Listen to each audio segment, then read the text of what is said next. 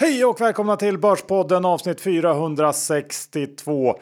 Vi ska först av allt börja med att tacka vår huvudsponsor Skilling, den svenskägda multi-asset tradingplattformen som fokuserar på säkerhet, snabbhet och enkelhet. Och John, vi har ännu inte kommit till rapportsäsong i Sverige, men i USA så har den kickat igång eller håller på att kicka igång. Ja, och då passar det perfekt att eh, ha ett konto hos Skilling så man kan trada eh, alla de här rapporterna som eh, dräller in. Och det bästa med Skilling är att man kan gå kort som lång i princip alla bolag som finns i staterna. Så är det och dessutom så kan man ju göra det till branschledande villkor och tajta spreadar. Så att här har verkligen Skilling ett riktigt, riktigt bra erbjudande. Och när det kommer då till den amerikanska rapportsäsongen så är den intressant att följa för den ger ju ledtrådar om hur det kan komma att se ut här i Sverige när rapporterna kommer in. Så att se till att öppna ett konto på Skilling om ni inte redan gjort det. BankID är det som behövs och de har ju en fantastisk kundtjänst som också pratar svenska om man vill prata det. Men kom ihåg 76 av retailkunder förlorar pengarna om efter CFDR så besök skilling.com för en fullständig ansvarsfri skrivning. Och med det John, så säger vi ett stort tack till Skilling! Den här veckan så kickar vi igång vår sommarpoddar-serie och man får väl säga att det nu har blivit så att det är en större ära att vara sommarpoddare än sommarpratare. Så är det Johan. Ja. Det har stått eh, folk på kö efter kö efter kö och vi har noga utvalt best of the best of the best. Ja, inte ens en handfull har trängt sig igenom nålsögat. Nej, så är det, men det kostar att ligga på topp. Ja. Det är alltid värt det. Och den första som har lyckats med den här bedriften är Johan Edberg den legendariska fastighetsanalytikern som eh, ja, han jobbar på Handelsbanken och det han inte kan om fastigheter, det är faktiskt inte värt att veta. Nej, det var därför vi tog hit honom med. Ja, och vi kommer gå igenom vad som händer i den här branschen som just nu skakar. Vi kommer gå igenom the big four, ett uttryck som du John har myntat och eh, ja, det här är måste måste lyssning skulle jag säga. Ja, det är så här Johan. Jag behöver inte lägga till mer superlativ. Nej, utan vi rullar igång intervjun med Johan Edberg, fastighetsanalytiker på Handelsbanken. Johan Edberg, årets första sommarpoddare. Välkommen till Börspodden. Tack snälla. Fastighetsanalytiker på Handelsbanken ska vi tillägga. Stämmer bra. Du börjar bli lite legendarisk eh, fastighetsanalytiker numera. Har hållit på länge inom det här området. Ja, vad blir det om man räknar upp det? Det blir väl i alla fall plus 10 år. Mm. Lite mer. Och du var ju en, en av de första kanske gästerna i Börspodden. En tidig gäst i alla fall får vi säga. Mm. Jag kommer inte ihåg hur länge sedan det var. Nej, inte jag Många, många år sedan, men det avsnittet är ju väldigt uh, populärt. Går man in på Soundcloud så ser man att det är ett av de mest nedladdade Börspodden avsnitten faktiskt. Så grattis till det, det är alltid något. Tack. men nu till dagens ämne, fastigheter såklart, fastighetsmarknaden. Och det passar ju väldigt bra att ha dig här idag Johan givet vad som pågår där ute. Eh, fastighetssektorn är ju eh, efter några riktigt starka år en av årets största förlorarsektorer. Vad är det som händer? Jag skulle säga att det är väldigt mycket drivet av finansiering och räntor. Eh, egentligen samma sak som har drivit fastighetssektorn och gjort att den överpresterat så sjukt de senaste tio åren.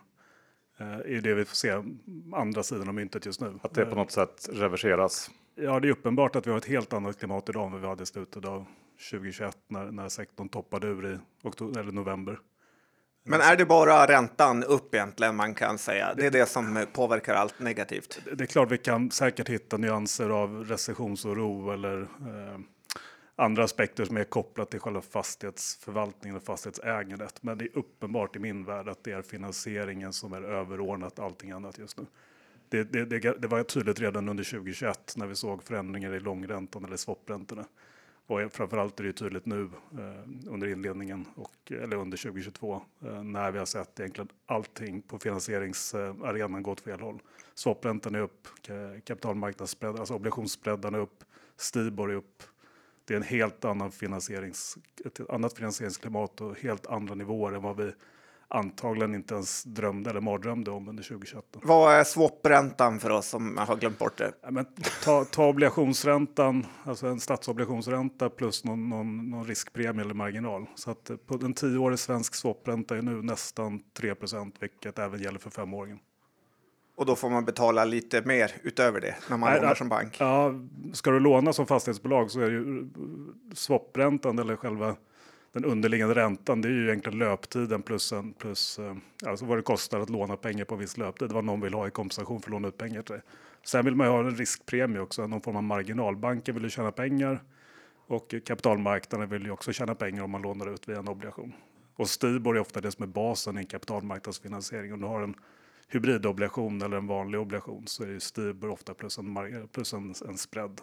Och vill du swappa ut de pengarna på längre löptid, alltså binda kapitalet, räntan, låsa fast räntan, då måste du också köpa swappen.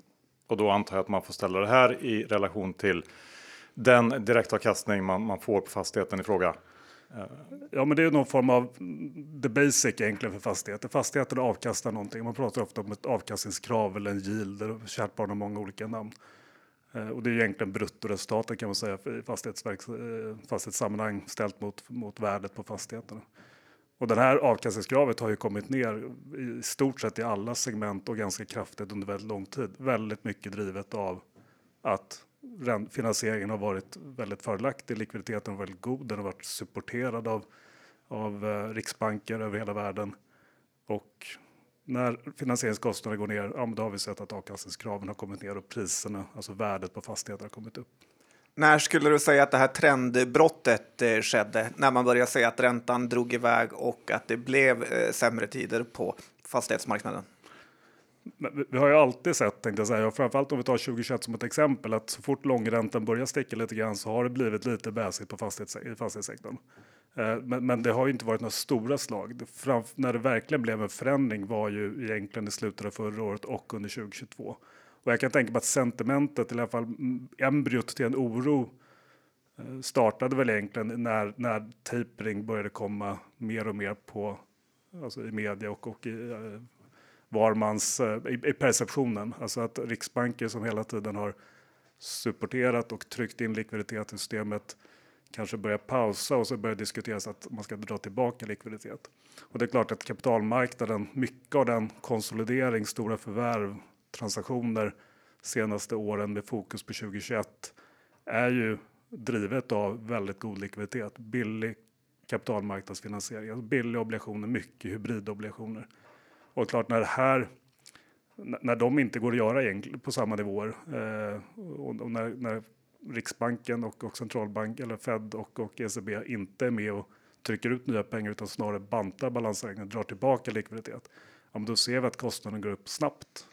Och det var väl egentligen, ja, det, det är år vi ser det, men jag tycker man kunde redan laborera mer och fundera på det och så se embryo till under 2021 senare delen. Okej, okay, jag undrar vad är egentligen en hybridobligation? Jag är inte rätt person att förklara det i detalj. Eh, men, men det är väl, det, det, man kan säga att det är en blandning av eget kapital och skuld. Det, det, fördelen med hybriden, om man ska förklara enkelt, är att ratinginstituten, S&P, Moody's, ser det i normalfallet som 50% eget kapital. Men du betalar ju mer än vad du gör för en vanlig obligation. Eh, det är alltså en högre, en högre risk, mer equity-instrument än en, en, en ren obligation. Men fördelen är att du kan använda halva den emissionen, halva den likviden som ett eget kapital. Det förbättrar dina nyckeltal och gör att du har större förutsättningar att låna billigt på vanliga obligationer då, i och med att få en bättre rating av ratinginstituten. Lite förrädiskt låter det som. Ja, framförallt kan man väl tycka om man ska vara lite Alltså det har ju kommit väldigt starkt och ganska snabbt. Det, vi har sett hybridobligationer i marknaden under, under ett antal år, men det exploderade i förra året och när det blir väldigt mycket volym av ett nytt instrument som väldigt mycket är konstruerat, eller i alla fall använt för expansion och konsolidering. Eh, och kan lite man... kan man väl säga kanske då lura systemet om man vill vara elak. Ja, ja, så kan man säga. Framförallt tänka att det ökar komplexiteten och allt som blir mer komplext borde ju ha eh, är ju svårare att räkna på åtminstone för, för de allra flesta och även för mig. Eh, och då tänker jag att komplexitet och svårare att räkna borde höja en riskpremie. Det kanske man inte funderar på eller tänker så mycket på. Den riskpremien kanske är väldigt låg när allting ser bra ut. För världen fortsätter stiga, räntan är låg. Men såklart, så fort vi får en liten annan trend där då, eh, så kanske den här typen av eh, latenta risker hamnar lite mer i fokus. Men kan vi se något fullständigt Armageddon framför oss här nu? Säg att eh, räntorna går upp till 4-5 procent för fastighetsbolagen och yielderna eh, har i princip varit under det, eh, alltså det man får för att äga fastigheten. Har vi en enorm konkurs eh, Eh, Eh, möjlighet framför oss då? Alltså det läskiga svaret är att det är absolut en möjlighet, eller en risk ska vi kanske säga i det här sammanhanget. Sen tror jag inte att man kanske ska prisa in den risken fullt ut, för det är inte kanske det absolut mest sannolika. Eh, men det är klart att när du säger ränta 4 ja, men det finns flera bolag där ute, stora bolag som vi säkert kommer gå in på senare, som lånar till 400-500 punkters marginal plus swappen plus Stibor som var inne på det. Så där är ju räntan redan idag. Om de skulle låna den typen av pengar idag så pratar vi 6-7 med kanske avkastning på 3-4. Så att eh, fortsätter det är här som är problemet. Så som det ser ut idag, om vi per, gör den här bilden finansieringssentimentet permanent eller tänker att det kommer kvarstå under väl, ja, låt säga fem år eller tre, fyra år. Då, då, har vi, då har vi en besvärlig situation. Då kommer inte de här fastighetspriserna på något sätt kunna vara kvar där de är idag. Det är min uppfattning. Men det är klart, fastighetsbolag har ju i de absoluta merparten av fallen delvis säkrat sig för den här typen av händelser. Man har köpt de här sopparna som gör att räntebindningen är längre. Man har kapitalbindning som kanske är i snitt 3-4 år. Eh, vilket gör att när de marginaler som, som vi ser på marknaden idag, det tar ju ett tag innan det på något sätt masseras in i, i, i balansräkningen. Det blir någon slags gradvis effekt av det.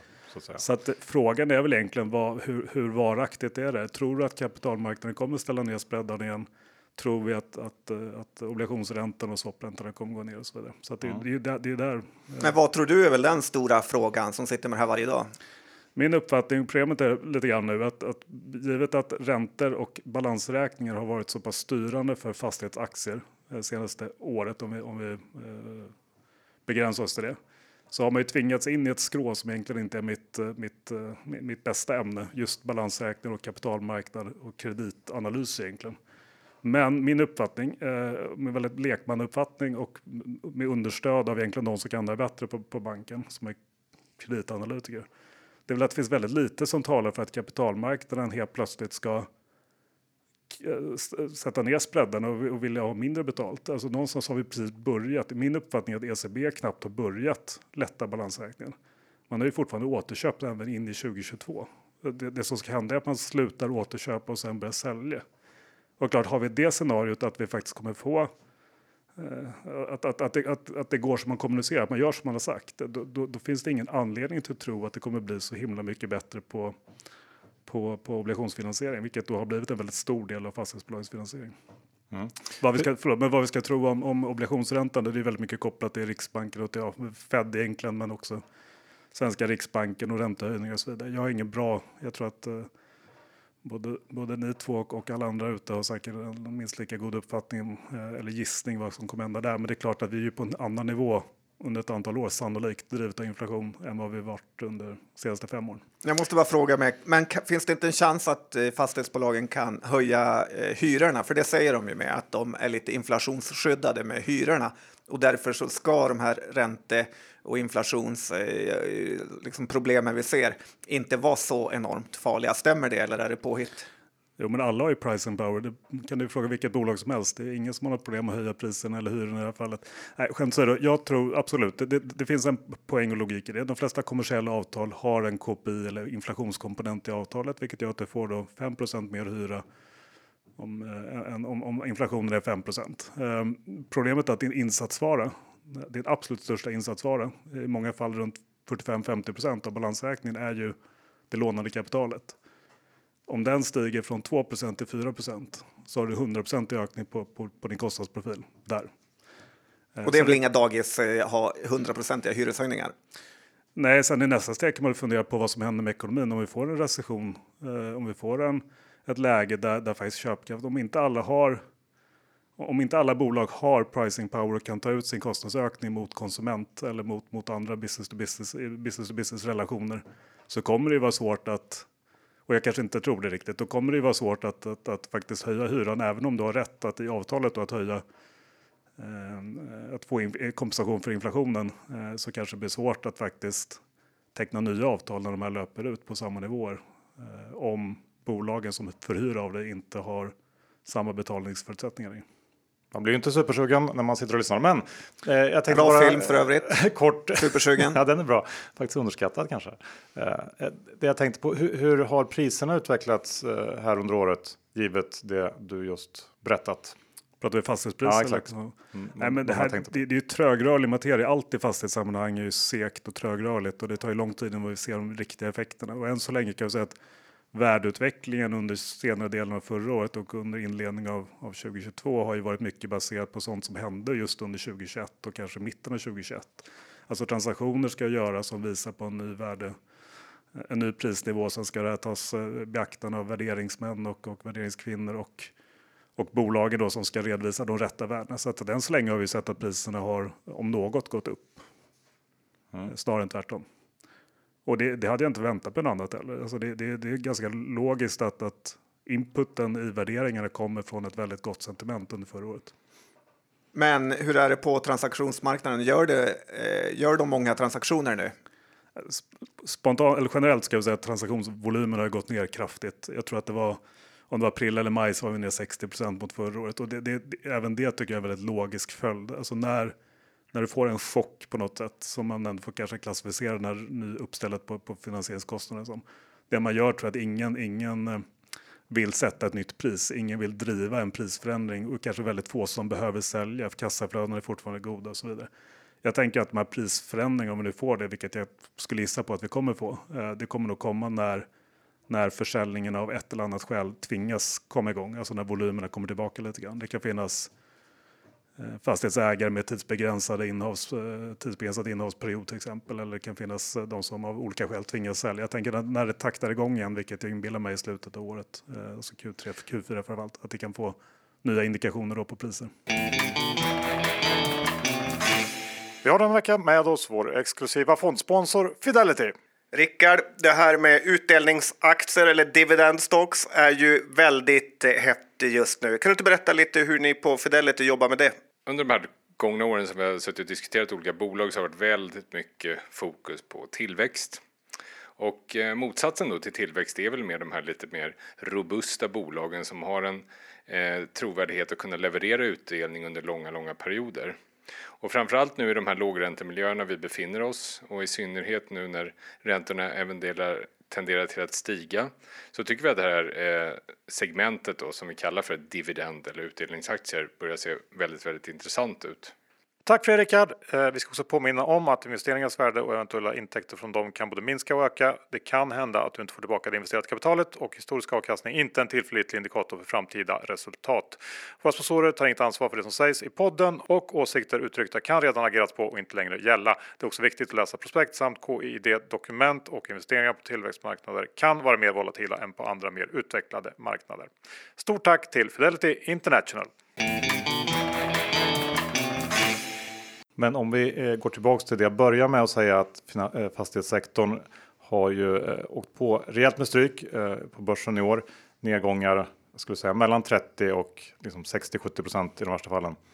Mm. Givet utsikterna, tycker du att det då är en rimlig reaktion av börsen? Generellt sett bara. Ja, det, det, är supersvårt alltid att uttala sig generellt om en sektor som är så pass icke icke homogen när det gäller olika typer av fastighetskategorier, olika typer av balansräkningar, strategier och så vidare. Men generellt kan man säga att när, när vi pratar om de siffrorna som du nämner så är det ju brutala nedgångar i någonting som normalt sett klassificeras som ganska säkra, stabila verksamheter och rörelser. Men man ska nog ta med sig att om du tittar på en kursgraf från de senaste tio åren så har ju fastighetsbolag de merparten av tiden av åren och under väldigt långa perioder av performat drivet av just som jag är inne på inte enkom ränten, räntenedgång, men, men det är klart, det har liksom varit den stora drivan och får vi en helt annan, andra förutsättningar där så känns det ganska logiskt att vi liksom kompenserar på, pris, alltså på aktiepriserna för, för det, som, det som är verklighet nu. Då. Alltså värderingen när vi gick in, alltså när vi pikade i november så var ju värderingsbilden eh, extremt högt uppställd. En av de högsta värderingsprofilerna som jag sett på, på sen jag började, vad det nu är, på gamla goda? Gamla goda, 15 år sedan. Eller något. Nej, men det, det, det var en nivå som, som in, alltså implicerade extremt goda förutsättningar. Att, att, eh, att finansieringen skulle vara fortsatt billig, att fastighetspriserna skulle öka och att kassaflödena skulle, vara, skulle växa. Kanske på, de, på, det, på det sättet som vi har vant oss vid att kassaflödena växer i fastighetssektorn. När man hela tiden har kunnat nyttja yieldsspreaden, låna billigt, köpa någonting. Alltså, temat förra året var ju den som lånade mest och köpte mest, eh, växte vinsten mest och var det som var som gick bäst också. Så ja, för man är ändå upplärd med att fastighetssektorn ska vara en ganska tråkig eh, sektor. Att den växer lite som BNP, det är lite hyreshöjningar varje år, men att det är ganska säkra pengar. Men det har ju varit mer av vilda väster nästan sista ja, två åren får man säga. Ja, å andra sidan de är också upplärd med att det kommer med jämna mellanrum rejäla krascher. Mm.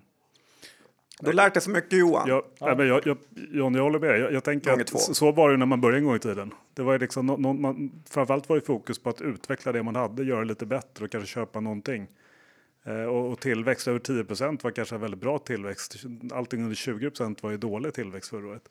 Och jag tänker mig att vi kommer tillbaka dit. Någonstans är det ett stålbad vi ska gå igenom. Jag tror att de flesta bolag kommer liksom genomleva det här. Eh, och jag tänker att vi kommer tillbaka till något, ett läge där man faktiskt ska urskilja de som är duktiga fastighetsägare och fastighetsförvaltare snarare än de som, de som, som lånar mest och, och växer mest. Att det blir mer fokus återigen på, på fastighets och fastighetsaktieanalys snarare än kreditanalys. Och då passar det bra att vi går in på något som eh, John har valt att kalla the big four i fastighetssverige och John, vilka är det du avser med the big four? Ja, men vi har ju fyra giganter här i Sverige med eh, Erik Selin, David Mindus, Ilja såklart och Rutger Arnhult. Eh, håller du med om att det är de fyra största eller skulle du lägga till någon fler där? Det beror på hur du ska räkna, om du räknar balansräkning eller ålder eller vad det är. Men, men eh, Sven-Olof Johansson kan väl få platsa som en en femte möjligtvis. Ja, vi tänkte han, men han klarar inte katten ja. eh, faktiskt. Det här, för det här, jag gillar Big Four bättre än Big Five. Akelius kanske? Mm. Ja, för ja. gammal också, ja. tyvärr. Nej, men vi, kan vi inte gå igenom de här personernas sfärer lite grann? Det är rätt kul, så får du eh, säga lite. Men först hade vi några lite halvsnabba frågor, eller hur Johan mm. Isaksson? Ja, ja. Så eh, vi börjar med den första här då. Om det blir en rejäl sättning på fastighetsmarknaden, vem är du mest rädd kommer smälla då?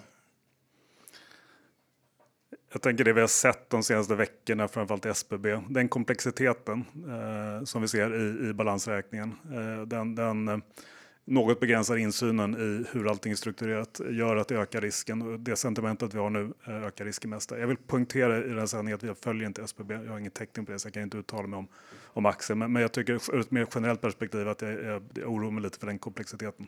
Ja, det är lite låg oddsar svar där om man tittar på börsen såklart som inte är positiva till Ilja just nu. Nej, eh, vilken av de här fyra sitter då på det bästa beståndet enligt din mening? Jag tvingas svara väldigt enkelt och inte eh, fördjupa mig i detaljer. Men jag skulle säga att jag gillar Sagax bestånd så som det är komponerat. Och vem är lägst belånad? Ja, problemet är att det är, det, är svårt att, det är svårt att svara på i dagsläget beroende på hur, hur man räknar, vilken metodik du använder. Men om du kör eh, fingret upp i luften-känslan? Jag tror att eh, Castellum ja, det är 44, ja, säg Castellum då, men det, det, är en brasklapp för att man får fundera på vilken typ av metodik du, du använder hur man ser på hybridkapital. Ja, och eh, vem, det här är lite annorlunda fråga, men vem av de här fyra skulle du helst vilja vara? Om du är tvungen att vara någon. Du får inte säga alla fyra. Okay. Nej, men då tar jag nog Rutger faktiskt. Ja. Han, han är bra på att springa. Jag gillar att springa också. Ni är lite samma hår med. Mm. Och han, han hör väl inte... Skillnad från du, John. ja, det är mer han... sorg för mig och Johan. han hör ju heller inte till de äldre kanske i gänget, så att, uh, kan ja, också vara bra. Det är en poäng. Jag hade nog valt David Bindels. Vem hade du valt, Johan? Ilja. Um, nästa fråga. Har David Mindus någon svaghet? Säkert, men jag har inte hittat dem än. Nej, det är bra ändå. Och sen tänker vi på det här med D-aktier och preffar. Har de spelat ut sin roll nu? Ja, preffen är väl redan borta egentligen. Eh, det kommer inte emitteras några nya tror jag. Det är liksom riktigt stamkapital som behövs in, behöver komma in om, om, man, om man behöver göra någon form av räddningsemissioner. Men jag tänker som sparare då, är det något att fundera på att köpa eller ska man vara försiktig med den här typen av Eh, Eh, aktier där det är en fast ränta som ja, inflationstider kan gröpas ur ganska rejält. Jag, jag har supersvårt att avgöra liksom vad som är rimlig avkastning. Jag tycker över tid, eller historiskt sett, så har både preffaktier i, allmän, eh, i synnerhet och kanske även D-aktier prissatt på ett märkligt sätt. Eh, och egentligen varit för billiga för att vara eget kapital. Å andra sidan har det funnits extremt mycket goda buffertar i, i fastighetsbolagen när räntorna varit låga. Att man alltid kunnat eller mm, säga att det är okej med låg avkastning för det är så trygga kassaflöden på det. Jag har ändå Jag- sett jag- en hel del preffar i dåliga bolag, typ Eniro och sånt, som inte har varit så lyckosamma. Men kommer man få tillbaka pengarna om ett fastighetsbolag smäller i D-aktier? Jag tror man får vara beredd vid något tillfälle att det finns en uppenbar risk att man kanske inte får utdelningen som det är tänkt. Däremot så har du, ju ett- du är ganska prioriterad i balansräkningen i kapitalstrukturen. Du, du är inte sämst. Du, du har, har, om du har eget kapital på 50 procent eh, snitt, eh, säger ett bolag, eh, och du har liksom preffen kommer efter det någonstans, eller att du har liksom på toppen av de här 50 procenten eget kapital, då har du ganska, ganska god buffert skulle jag säga. Så köpa preffar eller D-aktier som ger nu 9-10 procent i direktavkastning kan det vara eh, lite lockande. Ja, det det är möjligt. Eh, eh, bär med ändå att det är ett eget kapital, trots allt, givet vad jag sa. Eh, Du ska inte jämföra med en obligation eh, eller en, eh, någonting annat. Alltså om, om, om obligationsfinansiering för bolagen kostar 6-7 procent i dagsläget, är det rimligt då med en, en eget kapitalavkastning på 10? Man kan tycka att det kanske är ganska liten spread däremellan. Men om, om jag tror, som det känns just nu så är väl risken tämligen låg i merparten av emittenterna för det aktier att du, inte, att du liksom riskerar ditt egna kapital. Men det är möjligt att man får vänta på en utdelning. Ja, för det är ganska svårt för småsparare att komma över de här obligationerna, men betydligt lättare då att eh, få köpa D-aktier. Det är mest det jag tänker. Nej, men köp det. Och sen slutligen här, finns det något bortglömt fastighetsbolag eh, som du tycker man borde kika närmare på?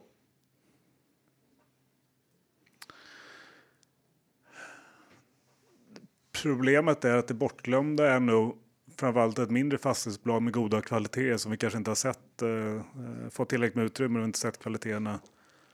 Eh, inte noterat de kvaliteterna. Jag, måste, jag får faktiskt passa på den. Jag, jag kan tänka mig att det finns eh, välmanagerade, skötta bolag av mindre karaktär som hamnar lite i skymundan. Mm. Sen finns det ju, alltså, man skulle gärna vilja ha Vasakronan eller något sånt där välskött bolag noterat. Det är väl bortglömt i och med att det inte är noterat, men det kan ju inte köpa aktier. Och det är inte så litet där. Det är väl staten som äger det, eller? Så är det. Mm, kan de säkert förstöra på något eh, sätt. Eh, ja, men då tittar vi lite på eh, sfärerna här. Ska vi ändå börja med den största, eh, Erik Selin. Och Balder är hans största innehav. Eh, vad tycker du om Balder? Den har ändå tappat ungefär halva värdet här sedan toppen. Ja, vi, har, vi har ju faktiskt blivit mer positiva på lång sikt. Nu har det varit extremt turbulent de senaste veckorna. Eh, eh och det som bekymrar mig egentligen i den positiva långsiktiga synen är eh, att vi har fått extremt uppställ just på kapitalmarknaden och de här spreadarna som jag tjatat om nu. Eh, och det, det tror jag är sprunget ur en, en eh, europeisk investerare det europeiska investerarkollektivet på obligationssidan som inte har gillat det man har sett eh, med de, de fängelsedomar som har utdelats på, på, på anställda och tidigare anställda i Balder. Svenska aktiemark- och svenska obligationsinvesterare verkar se lite, lite mer mellan fingrarna, lite lättare på det. Men uppenbarligen så prissätter man obligationer på ett extremt mycket dyrare sätt nu än man gjorde för en månad sedan. bara. Eh, Så det, Är inte det lite konstigt när det gällde Collector och hade inget att göra med Balder riktigt? Ja, och sen får man, man kan väl säkert diskutera hur det har hanterats av Balder och eh, Balders vd också. Eh, Säger Hur- kanske hur- någonting ändå om någon slags kultur eller governance eller vad man nu vill. Jag tror att det är så man tolkar det. Eh, det. Det, det händer ju någonting som ligger väldigt nära eh, huvudpersonen och huvudägaren. Och det här är väl kanske lite det problematiken som, som vissa vill göra gällande och som jag kanske köper till viss del. Den här korsägandet och ägandet i andra bolag behöver kanske inte vara något problem när allting rullar på och allting är frid och fröjd. Men klart, när någon stökar, någonting stökar till sig, i det här fallet då den här typen av händelser med, med någon form av, av eh, en, en kriminell händelse som inte har med Balder att göra. Men det är klart att helt plötsligt så är den ju tajt kopplat till, till den största ägaren och dessutom vdn i Balder, även om inte han då har gjort något fel. Det sätter ju lite fingret på, på tror jag, det som utländska investerare ser som ett stort problem och som vi svenska ja, investerare, analytiker och även kapitalförvaltare egentligen har kanske tyckt varit eh, ja, till, till viss del varit någonting positivt. Att man, man breddar sin affär och sprider sina risker. Syftar just på korsägande, mycket given till exempel. Som, som kanske är lite svårpenetrerad och svårt att förstå eller se exakt vad som finns där inne. Det är ju just när det skakar till, när någonting händer. Eh, vem, I det här fallet då en, en specifikt event. Men jag tänker generellt sett om det nu börjar krävas liksom ny finansiering i eh, generellt sett i, i många bolag. Vem, vem, vem har vi som ägare? Eh, vilket bolag prioriterar man? Hur kommer vi? Kommer det finnas en, en, en, en förutsättningar för att, för att rädda alla bolag eller ja, gå, in, gå in och finansiera upp de som behöver? Jag tror att det, det, det är nu det sätts på prov, den här typen av den svenska exotiska modellen med den väldigt höga toleransen för korsägande och andra typer av intressen. Har det varit ett problem att Erik Selin har lite varit eh, börs-Jesus i Sverige? Kunna gå på vatten, göra lite vad han vill, älskad av media något enormt. Mm. Nej, men så har det varit och med all rätt tycker jag. Han har gjort, alltså, vem kan inte tycka att han har gjort ett fantastiskt jobb att bygga Balder till det bolag det är?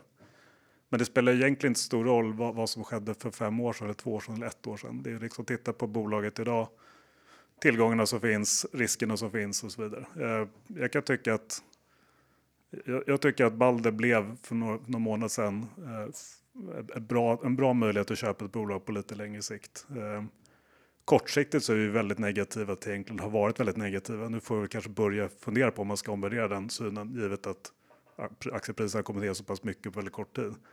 Men, men, på kort sikt så kommer det styras väldigt mycket av tillfälligt sentiment kopplat till ja, både tror jag, recession eller, eller inte recession men också framförallt till finansiering. Men på längre sikt tycker jag man kanske kan börja fundera på om, om man vill plocka upp ett antal bra aktier att äga som kanske inte nödvändigtvis kommer ge dig eh, jättegod avkastning på, på tre månader men på, på tre år i alla fall. Ja, för det är ett litet problem eh, med aktier att man måste köpa när det inte ser bra ut och aktier kommer ju ofta bara ner när det händer dåliga saker. Eh, när allt tuffar på så är de högt värderade. Jo, men så är det. Sen kan jag tänka mig att från mitt perspektiv blir det lite risk-reward. Alltså, ska du köpa en fastighetsaktie nu som står still i tre månader eh, eller ska du använda de pengarna någon annanstans? Eh, jag, jag, tänker att... Står still känns bra på eh, den här börsen vi har. Ja, jo, så är det. Då kan det väl ligga cash också om du inte vill ha någon avkastning. Erik Selin äger ju mycket i K-fastigheter och han äger en del i Sagax, NP3 också. Eh, är det något problem tycker du? Men jag tror svaret blir ungefär som vi var inne på nyss. Alltså det är inget problem när allting går bra. Eh, problemet uppstår ju, säg att alla bolag skulle behöva, nu säger jag inte att jag tror det, men säg att alla bolag skulle behöva nytt kapital plötsligt. Vart, vart kommer vart kommer Erik Selin eller vart kommer David Mindus om man nu skulle vara, eller Sagex i det här fallet då, som äger andra bolag eller aktier i andra bolag. Vad kommer man prioritera? Hur kommer man, hur, är, det, är det det egna bolaget, den egna, eh, den egna aktien? Vad, vad, jag tror att den här typen av frågor, hur man kommer prioritera, vem, vem står egentligen som, som en ansvarstagande ägare i slutändan? Men varför har de ens gjort så här? Det tycker jag är mest underligt. Vad är nyttan för Balder att äga lite i Sagax? De kan väl köpa egna fastigheter istället för att hålla på och vara inblandade i andra bolag? Dels så tror jag att de tycker det är roligt. Eh, Ganska dålig anledning. ja. Jag tror generellt sett att det har funnits för mycket, återigen, billigt kapital. Det har liksom kanske inte gått att hitta andra fastighetsportföljer. Det är, jobbigt och svårt och tar tid att köpa fastigheter och fastighetsportföljer. Eh, om du har mycket kapital som, som är hägrande billigt eh, men inte egentligen hittar tillräckligt med avsättning, alltså någonting att köpa, så är det väldigt mycket enklare att köpa 20% i ett annat bolag. Det är gjort med ganska lite kraftansträngning, möjligtvis den due diligence man borde göra på bolaget, men det antar jag att de kanske har, eh, har gjort under många år. Så jag tror att det är, det jag tror att det är lite ett symptom på, så att jag kommer tillbaka till det, men symptom på det vi har sett på likviditetsfronten och kap, lånat kapitalfronten de senaste åren. Fast... Sen är det också någonting som är symptomatiskt just för fastighetsbranschen. För så här såg det ut även innan vi fick noll och minusräntor minus räntor eh, i viss mån. Men det kanske accelererade såklart under de här men det, åren. Men det var mer låst. Alltså jag ska inte säga att det, att det inte har funnits. Och det har väl funnits i Sverige länge, precis som du är inne på. Och framförallt kanske i det här gänget som vi diskuterar nu, att det har funnits ett korsägande. Men jag tänker att det har ofta varit, man visste att Rutger inte bara ägde i, i ja, på den tiden Kårum Klöven, utan han ägde mm, Sagax. Men det, det var en ganska en ganska statisk position. Eh, någonstans känns det som att helt plötsligt har det dels köpts mer, det har fler korsägare och större korsägare, men också varit mer nästan en desperation att hitta, hitta någonting att investera i. Ja, men SBBs köp i JM och Heba känns ju, ja, nu, nu ska de ju vara strategiska innehav och de ska eh, ingen, ingen finansiell eh, placering bara, men, men eh, det känns ju lite så som man vill bara hitta någonting som avkastar mm. för de pengarna man kan låna. Eftersom du kan låna pengar och har ett, du är en tillräckligt stor emittent för att låna billiga europengar eller hybridpengar eller bankpengar också kanske. Och klart, kan du låna det på en och en halv och så hittar du någonting som, som avkastar bättre, då är det en yieldspread. Absolut. Sen så tycker jag den här, den här diversifierings, diversifieringsargumentet som eh, de brukar slänga sig med känns ju lite svårköpt givet hur den här gruppen ändå rör sig hyfsat i synk så att säga om man tittar på utvecklingen i år till exempel. Så ja, visst, någon har gått lite bättre än, än någon annan, men det är ju ändå samma drivkrafter i stort. Du får ju för sig lite olika fastigheter. Jo, jo absolut, men jag menar, ska man, ska man diversifiera sig så får man väl, ja, då finns det ju andra saker att köpa, tänker jag. Och det finns väl inslag och det är vissa bolagen också där man köper helt andra, andra aktier helt andra bolag än det som är fastighetsrelaterat. Men jag tror överlag att det John är inne på, det är liksom en, ett argument om att du får kassaflöden på något sätt som är genererat av någon typ av annan fastighetskategori än det du kanske primärt äger själv. Men får man ens något kassaflöden genom att äga 10% av ett annat bolag? Det får man inte. Man får kanske utdelningen, ut, men inget mer. Utdelning och värdeskapandet. Så kassaflödet är väl utdelningen och, och värdeskapandet är väl det bolaget ja, eh, aktieuppgången. Aktieuppgången egentligen, om du redovisar på det sättet. Okej, okay. om vi tittar bara innan vi lämnar eh, Balder och Erik Selin. K-fastigheter var ju en eh, riktig så här hit ett tag på börsen som har fallit otroligt eh, mycket nu. Eh, har du någon kommentar om dem? Inte mer än att förra årets safe haven, eller egentligen pandemins safe haven som var bostäder, framförallt den svenska hyresrätten. Ingen recession eller ingen vakansrisk, ingen hyresrisk egentligen och så vidare. Eh, alla, allt det man gillade med den svenska hyresrätten har ju bytts. Jag ska säga, det kanske fortfarande kvarstår, men jag tänker att det som hänt nu är att vi har en väldigt lågavkastande fastighetskategori. Kanske på, på någonstans mellan 2-3 procent. Många bolagen som äger enkom hyresbostäder har ju en rapporterad avkastning någonstans på mellan 2,5 och 3 procent. Det är klart att om, om, om man då tänker att räntan är, eh, man drar till med 4 då, eh, och fastigheten har avkastat 3, då är ju det här liksom ett, ett lågavkastande sentiment som där du egentligen då skulle ha negativ, kass, negativt kassaflöde om du skulle refinansiera hela din, din, din externa kapital idag. Så det är en, en, del av fastighetsbranschen som har kanske tjänat mest på de extremt låga räntorna? Då, ja, ja, vi har ju sett extremt transaktioner på väldigt höga nivåer eh, prismässigt senaste åren. Men jag ska säga en sak till, alltså det, det K-fastigheter till exempel och många bolag har ju en, en, del av affärsmodellen, eller en väldigt stor del av affärsmodellen är att bygga nytt. Eh, att bygga nytt i dagsläget när vi har både komponentbrist eller materialbrist och, och haft en extrem kostnadsinflation. Eh, det är inte så klart att de budgetarna går ihop. Det vi hör när vi pratar med bolag, eh, liksom allt från Wallenstam till andra mindre, mindre bolag alltså som utvecklar antingen bostadsrätter eller hyresrätter, det är att det går i stort sett inte att starta ett projekt idag. Eh, osäkerheten är för stor och kalkylen går inte ihop. Och det är klart att om Säg att du kanske har någonstans mellan 10 och 20 procents marginal, eh, alltså vinstmarginal på att utveckla en hyresrätt eller en bostadsrätt. Och så tänker vi att pris, bara, bara pris, eh, alltså kostnaden för att bygga, säg att vi har haft en prisinflation någonstans på 15-20 procent beroende på lite hur man bygger. Och så kanske man tänker att det dessutom finns en risk att priserna, bostadsrätterna skulle kunna takta ner lite grann eller att eh, vi får en priskorrigering åt fel håll på hyresrätterna från en yield.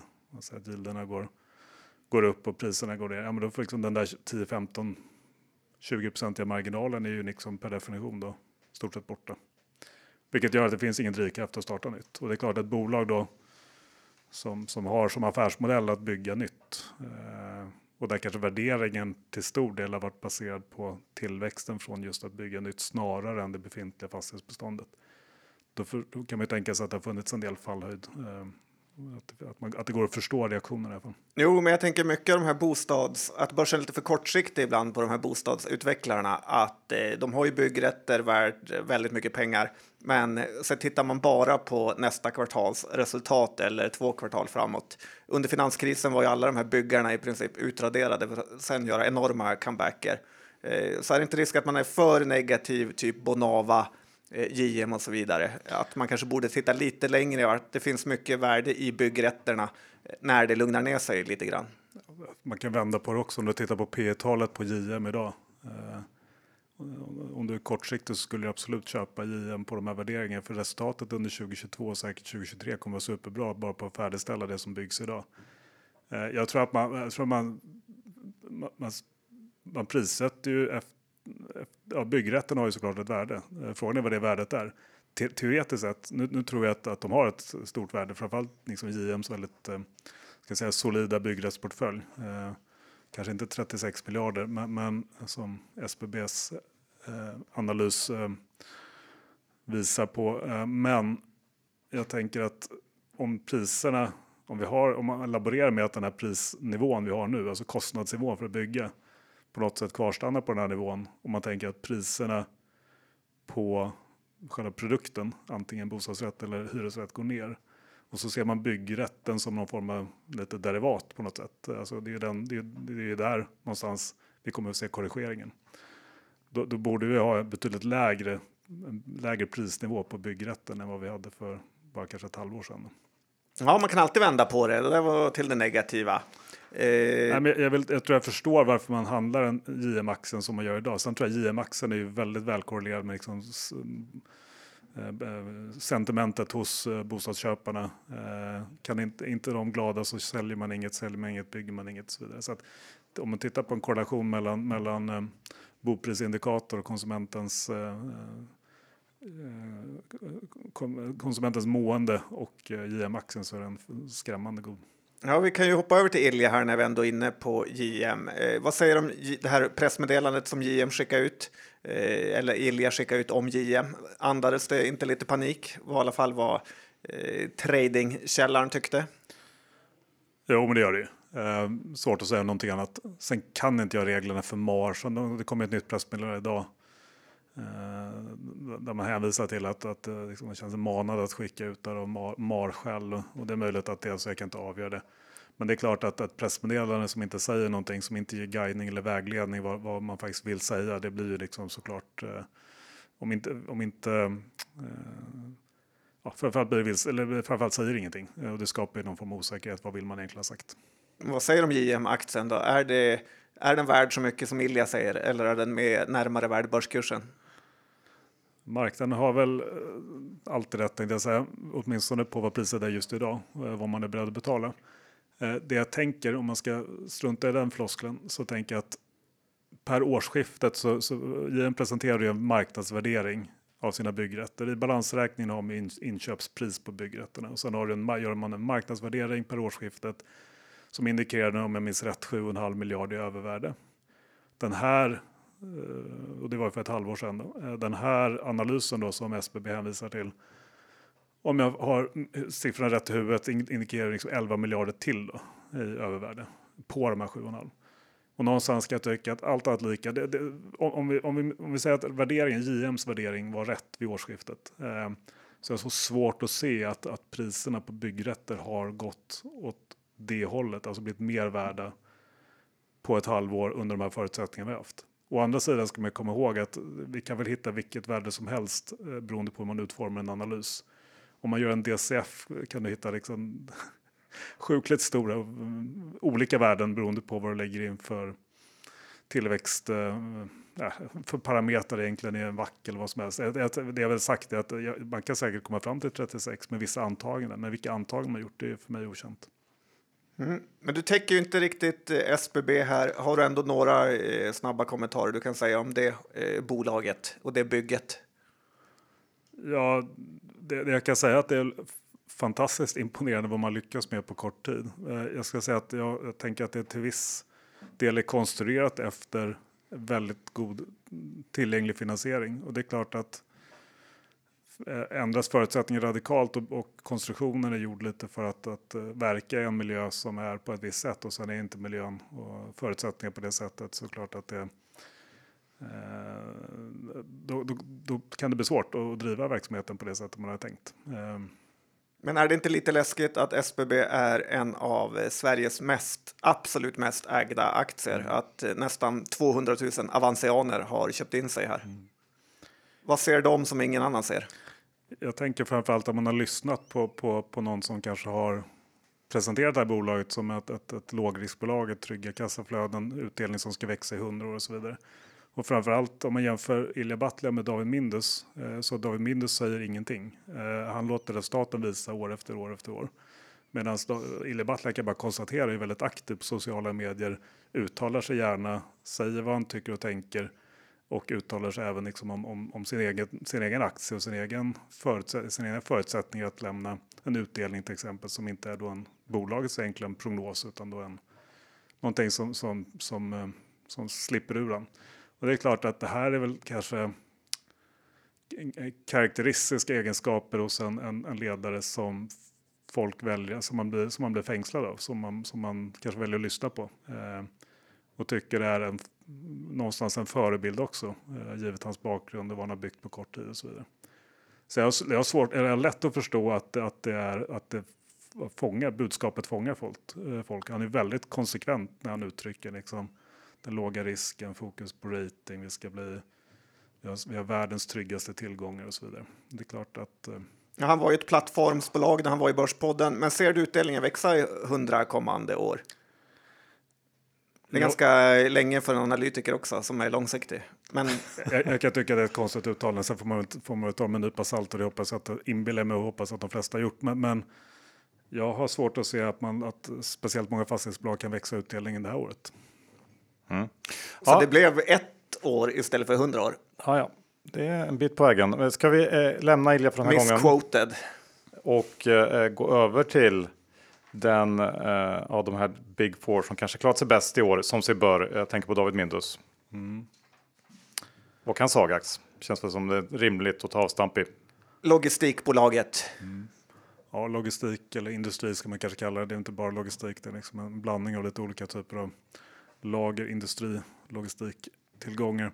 Ja, men det, här, det här har ju alltid varit i alla år det extremt strukturerade bygget med lång, så långa löptider det går på finansiering som är rimligt ändå, så långa löptider det går. Eller hur långa är de just nu? Jag kommer inte ihåg huvudet. Eh, det är över snittet för sektorn. Eh, man har ju tvingats ner lite grann eh, senaste åren, men säg att det är, ja, det är någonstans över fyra år i alla fall. Men, men väldigt, alltså, otroligt strukturerat. Eh, väldigt få förfall i närtid på, på finansiering, långa hyresavtal, eh, väl diversifierad portfölj geografiskt sett. Eh, eh liksom, eh, allting där det går att, att skapa visibilitet och stabilitet, där känns det som man har lyckats göra det. Sen går det inte att göra det i absurdum. Eh, liksom ska man låna 30-åriga pengar så kostar det hur mycket som helst, det är inte rimligt till exempel. Om det ens finns. Men, men, men jag tycker att det här är, det här är ett bolag som har alltid tagit med sig stabilitet och, och liksom förutsägbarhet i, i, i bolagsbygget. Där man inte blir jätteöverraskad. Sen ska vi komma ihåg att det är bolag som har växt, vuxit från att bara finnas i Sverige till att finnas i Finland och finnas i flera europeiska länder. Men jag tycker hela tiden man har tagit med sig affärsmodellen till den nya marknaden. Och fördelen med att vara så diversifierad är ju inte bara kanske en riskspridning utan framförallt att den kan fortsätta göra relativt små förvärv i stor, i stor skala, alltså väldigt många små förvärv och ändå fortsätta växa vinsten. Men är inte yielden, eh, börjar inte den bli låg på den här typen av lokaler med eller fastigheter när man har sett hur bra det gått för dem? Att många andra också har gett sig in på den här marknaden? Jo, de är absolut inte ensamma och yielden har ju kommit igen, men vi har fortfarande en snittyield i Sagas portfölj på 6,2 procent. Det här är ett bolag som tolererar, klarar lite högre, högre finansieringskostnader utan att det liksom börjar bli negativ negativt kassaflöde. Sen tycker jag man ska komma ihåg att om vi säger att avkastningskraven kommer upp och priset går ner av finansieringsskäl, då tänker jag att det kommer slå relativt jämnt på samtliga segment. Eh, en sak om vi får kontorsdöd som var liksom förra årets snackis eller, eller någonting annat som, som liksom slår på ett visst segment, ja, men då kan man tänka sig att man liksom sänker priserna på det segmentet. Men om vi säger att räntorna är, är det som eventuellt kommer trycka fastighetspriserna neråt, då kommer det slå ganska jämnt. Och då tänker jag att 100 punkter till exempel, om du sänker eller höjer avkastningskravet med 100 punkter generellt på fastigheter så blir det betydligt mycket mindre på en 6% någonting som avkastar 6,2% mot någonting som avkastar 2,5% Som de här hyresrätterna vi pratade om tidigare. Ja, så det känns som att, att eh, stabilitet i alla avseenden och, och eh, även då en, en, om vi tänker då att vi går över och pratar risker kanske kopplat till, till mer till makro så känns det kanske ganska bra att ha en, geografisk, eh, en god geografisk spridning också. Men inte lågkonjunktur då enormt mycket större hot för Sagax än till exempel hyresrätterna? Absolut. Så är det. Men jag tänker att någonstans blir ett bestånd som Sagax blir lite en proxy av europeisk ekonomi. Eh, och det är klart att går, tappar vi BNP ett par procent så kommer det antagligen inte leda till ökad efterfrågan utan snarare mindre. Men jag tänker att det blir inte så dramatiskt. Det är värre att gå från finansieringskostnad på 1 procent till 3 om du har fastighet som har kastat 2,5 än att tappa 2 procent på topline eh, och ha ganska god marginal i kassaflöden. De som börjar bli lite sura på David Mindus att han rattar hela det här bygget från, är det Barcelona? Eh, att han inte jobbar i Sverige längre. Vad säger du till dem? Men det är väl ingen som någonsin har blivit servad med kapitalmarknadsdagar eller, eller ett, en, en vd som är tillgänglig, utan någonstans har man fått köpa det från början. Skillnaden är väl om man har varit extremt tillgänglig och, och drivit bolaget på ett visst sätt och sen abrupt gör på ett annat sätt och, och checkar ut. Jag tycker det här, det, det, jag, jag, I det här fallet kan jag säga att jag tycker siffrorna talar sitt språk. Jag tycker att, att, att har, David Mindus har inte lurat in någon i, i Sagax utan här har tror jag aktieägarna lärt sig att gilla den typen av bolag och den typen av tillväxt man har fått och på det sättet han har drivit det. Om man sen sitter i Stockholm eller i Barcelona eller i Kapstaden tänker jag är ganska eh, i det här fallet eh, mindre problematiskt än vad det kanske varit om, om Erik Selin flyttar till vad det kan vara. Bremen. Ja. Har du fått någon förklaring av eh, Mindus varför han är så osynlig? Du har ändå träffat honom några gånger antar jag. I ärlighetens namn var det faktiskt flera år sedan jag pratade just med David. Jag pratade med, med andra personer där i dagsläget. Och det är väl få bolag som är så pass möjliga att analysera från som en pappersprodukt, en Sagex. Eh, jag tycker att jag har en ganska god bild av vad jag tror att de vill göra eh, och vad de gör. Eh, och dessutom händer det inte så mycket på kvartalsbasis heller. Men nej, jag vet inte exakt varför han borde han göra. Eh, jag ser det inte som ett jätteproblem. Men ska vi prata lite om mannen du vill vara? Rutger, Rutger. Arnhult. Varför? Jag kan ändå inte släppa det riktigt efter det här du tog upp av David Mindes. Man vill ju hellre vara David Mindes än Bo Rutger. i Barcelona. Aldrig bra att prata om Men du vill ha krulligt hår, lång, trasiga jeans. Lång är han väl inte? Flis. Alltså långt hår. Ja. Det är jag jätte, jätte avundsjuk på. Ja. Dunjacka. Mm. Mm. Sånt. Byta kavajen mot dunjacka, vad skönt. Ja, nej, ja, en provocerande fråga kräver ett snabbt svar som, kanske inte, som jag kanske inte kan stå för. Men jag... Eh, ja, vad ska jag svara på behöver, man bara fråga. du behöver inte svara just på det som John frågar utan Nej. mer eh, Rutger och, och eh, hans bolag helt enkelt. Har inte han kommit undan lindrigt? Han är väl ganska hårt belånad, byggt upp allt jättefort. Han härjar i Castellum, det är Corem, han köper Klövern, det är Tobin, det är mycket eh, saker som händer kring Rutger, men på något sätt är han alltid förlåten. Lite Petter Stordalen-aura. Ja, Ja, förlåt, det vet jag inte riktigt. Jag vet inte om han någonsin varit anklagad heller. Alltså det är svårt att veta vad, vad, vad, vad han ska bli förlåten för. Men någonstans känns det som att det har, jag har alltid känslan av och har fortfarande känslan att det finns en, en väldigt långsiktig plan för vad han vill åstadkomma i, i om inte i livet så i alla fall i fastighetssammanhang. Då. För grunden är väl att han var fastighetsanalytiker på, om det var Swedbank? Nej, Handelsbanken. Han, oj, oj, oj, nu förstår jag att du skyddar honom. Fast han hette inte Arnold. och nu har han byggt upp det här, inte lika snabbt som Ilja, men inte jättelångt ifrån heller. Det kanske är ganska sunt. Eh, jag tänker att det, han har alltid varit anklagad för att då, eller anklagad, det har funnits åsikter om att han gör affärer på ett visst sätt, kanske inte lika ödmjuk och trevlig som Erik Selin. Det har diskuterats om det har funnits en Rutger Arnhult-rabatt. Det kan man ju diskutera svårt att avgöra exakt vad som är kopplat till en affärsmodell eller till en belåningsgrad och så vidare. Men, men om man tänker att han hade startade med i stort sett ingenting och sen har kommit dit den är idag och sen har det, precis som du säger, det kanske inte har varit raka vägen. Det har ju varit vid ett antal olika engagemang och led, alltså, ja, olika bolag och så vidare. Men någonstans tänker jag att det har varit ganska imponerande att man kommer till den här situationen där den är idag eh, på de omvägar som kanske inte var helt uppenbara från honom från början. Men jag får alltid känslan att det har funnits lite av någon form av eh, en plan och där vi kanske fortfarande inte riktigt vet vad, vad endgame är. Lite underskattat nästan.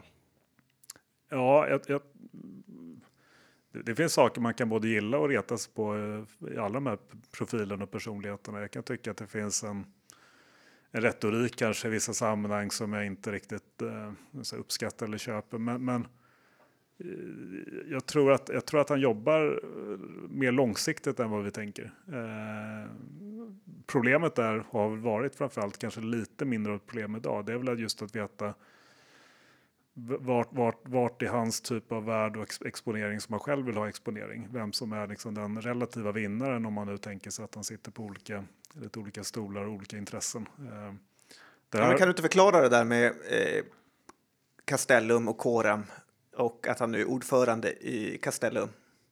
mm, För det var ju en enorm eh, mycket bråk om det i media och även mellan de här olika falangerna. Nej, men det har varit många turer just kring Rutgers, både, både angående liksom fusionen av bolaget och vilken typ av funktion och roll han ska ha. Först var han ordförande, plockade då eh, vd och CFO från Kungsleden. Eh, eh, varav då CFO, eller vdn slutade ganska snabbt, CFO inte långt därefter. Eh, Rutger har sagt att han inte ska vara vd igen, blir sen då vd permanent. Framförallt är det väl de utländska ägare, utländska falangerna egentligen som har haft synpunkter på just Rutger Arnhult. Och jag tänker återigen att svenskar har ett mer förlåtande och förstående eh, bild av hur man driver bolag, hur governance ska se ut, hur korsägande funkar och så vidare. Medan utländska investerare är betydligt mer eh, konservativa. Eh, och, ja, det har varit turer kring det. Nu, nu har vi en situation där Rutger uppenbarligen Eh, ja, där, där är som det är helt enkelt. Eh, Jag tror att man får eh, någonstans eh, eh, acceptera eller inte acceptera liksom, den här typen av företagskultur.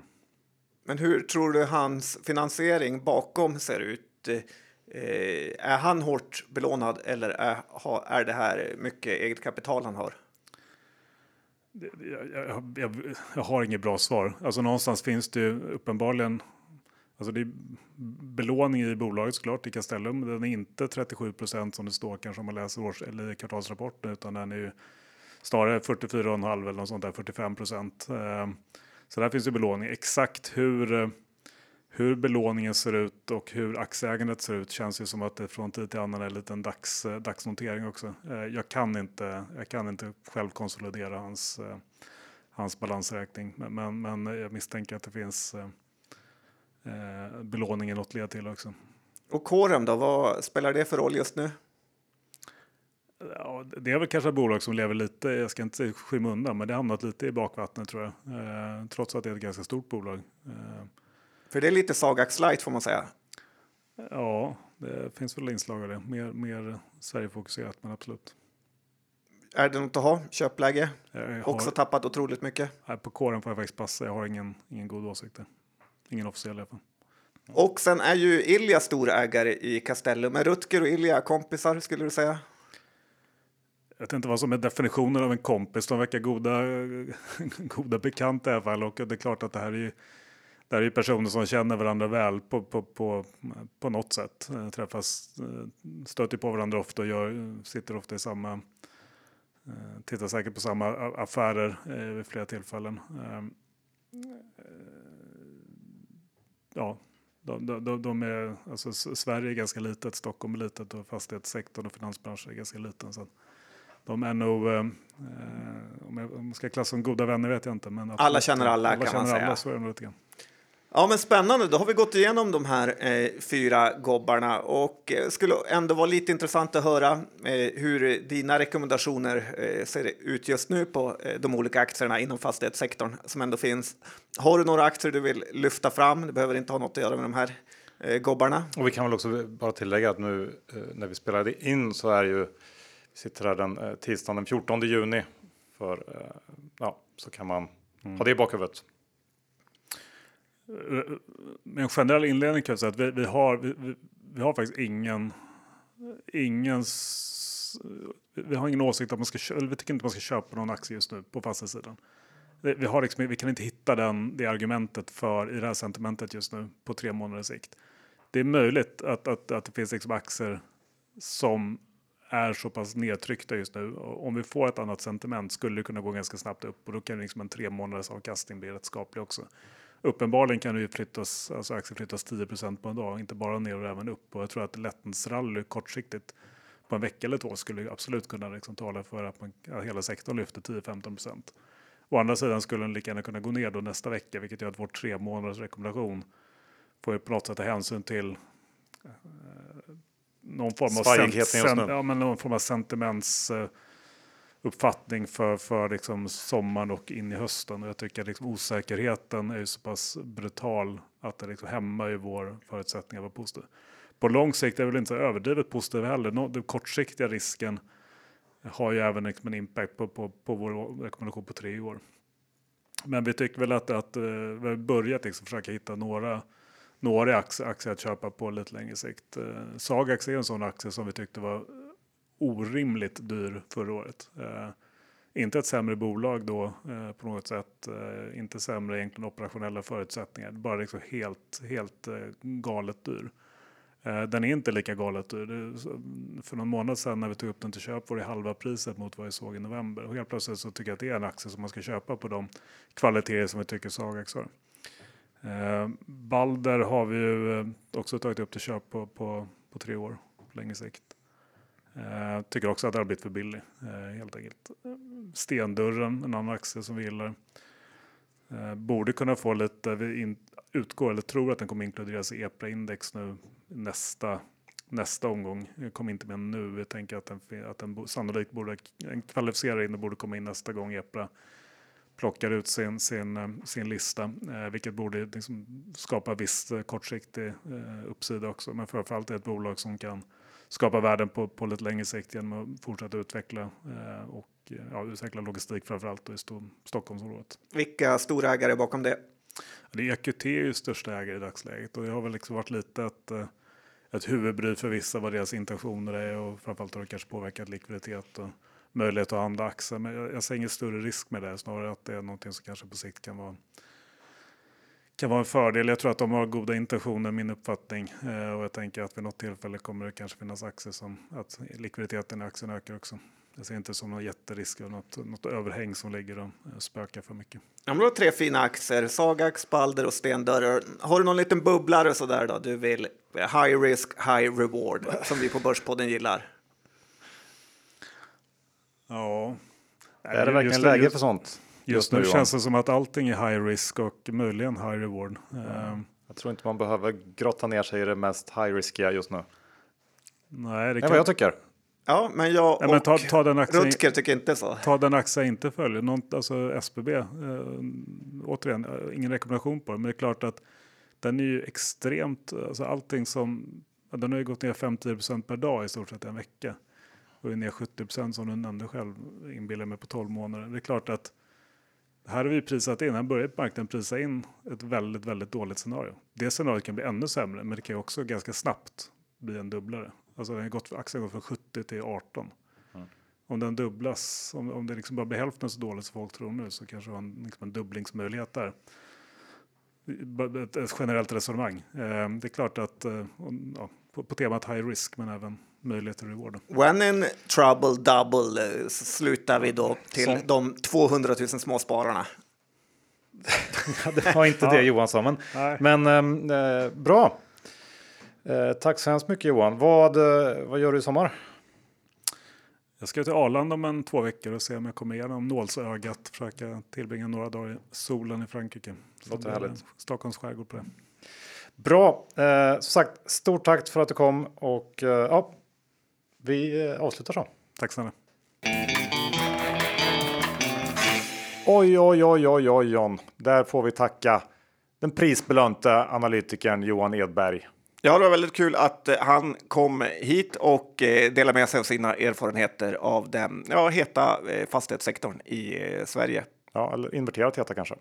Ja, det har gjorts mycket pengar, förlorats mycket pengar. Det är lite det man gillar med finansbranschen. Så det. Vi ska också tacka vår huvudsponsor Skilling såklart. Eh, vi tjatar om det här, men det behövs faktiskt ett konto nu när vi går in i sommaren om man är ute på språng och vill kunna göra affärer ifrån mobilen. Så se till att ha ett skillingkonto up and running. Men kom ihåg 76 av retailkunder förlorar pengarna när de har efter så besök skilling.com för en fullständig ansvarsfri skrivning. Bra, och med det så säger vi bara hej då och njut av sommaren. Jag har en bra sommar. Hej då!